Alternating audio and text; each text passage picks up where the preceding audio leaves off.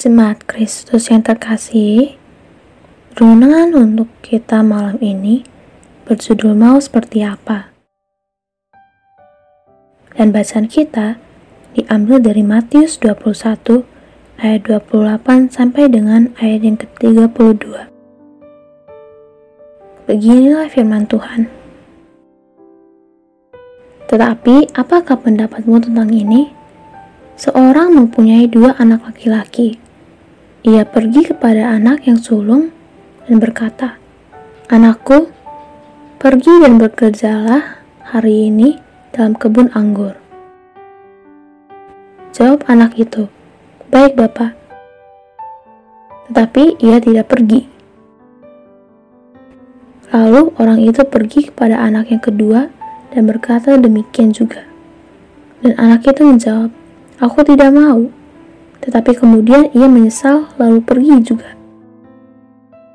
Siapakah di antara kedua orang itu yang melakukan kehendak ayahnya? Jawab mereka, yang terakhir. Kata Yesus kepada mereka, Aku berkata kepadamu, sesungguhnya pemungut-pemungut cukai dan perempuan-perempuan sundal akan mendahului kamu masuk ke dalam kerajaan Allah. Sebab Yohanes datang untuk menunjukkan jalan kebenaran kepadamu, dan kamu tidak percaya kepadanya. Tetapi pengut-pengut cukai dan perempuan-perempuan Sunda percaya kepadanya. Dan meskipun kamu melihatnya, tetapi kemudian kamu tidak menyesal dan kamu tidak juga percaya kepadanya. Tuhan selalu memiliki cara yang menarik untuk menegur seseorang tanpa mempermalukan dan merendahkan mereka. Tuhan selalu dapat menyampaikan poin utama dengan tepat dan mengena. Dalam melakukan itu, Tuhan selalu memakai perumpamaan yang tidak secara langsung mengungkapkan apa yang maksudnya, namun menghantar seseorang untuk dapat memahami apa yang ingin dikatakan oleh Tuhan. Kali ini kita melihat saat Tuhan ingin menegur kebebalan yang dimiliki oleh para imam kepala dan tua-tua bangsa Yahudi.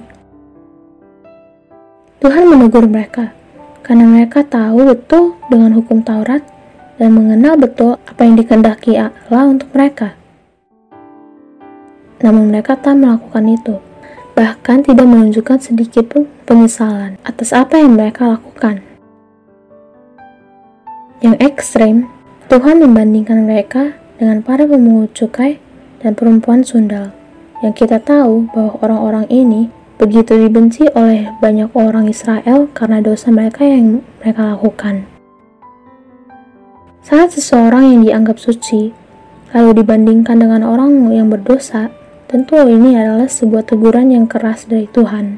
Oleh karena itulah para imam dan tua-tua Yahudi ini merasa marah, namun tidak berani berkonfrontasi langsung dengan Tuhan karena mereka tahu betul bahwa apa yang dikatakan Tuhan benar adanya.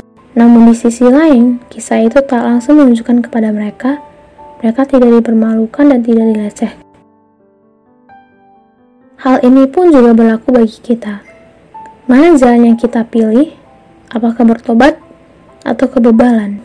Pilihan yang paling tepat tentu adalah pertobatan.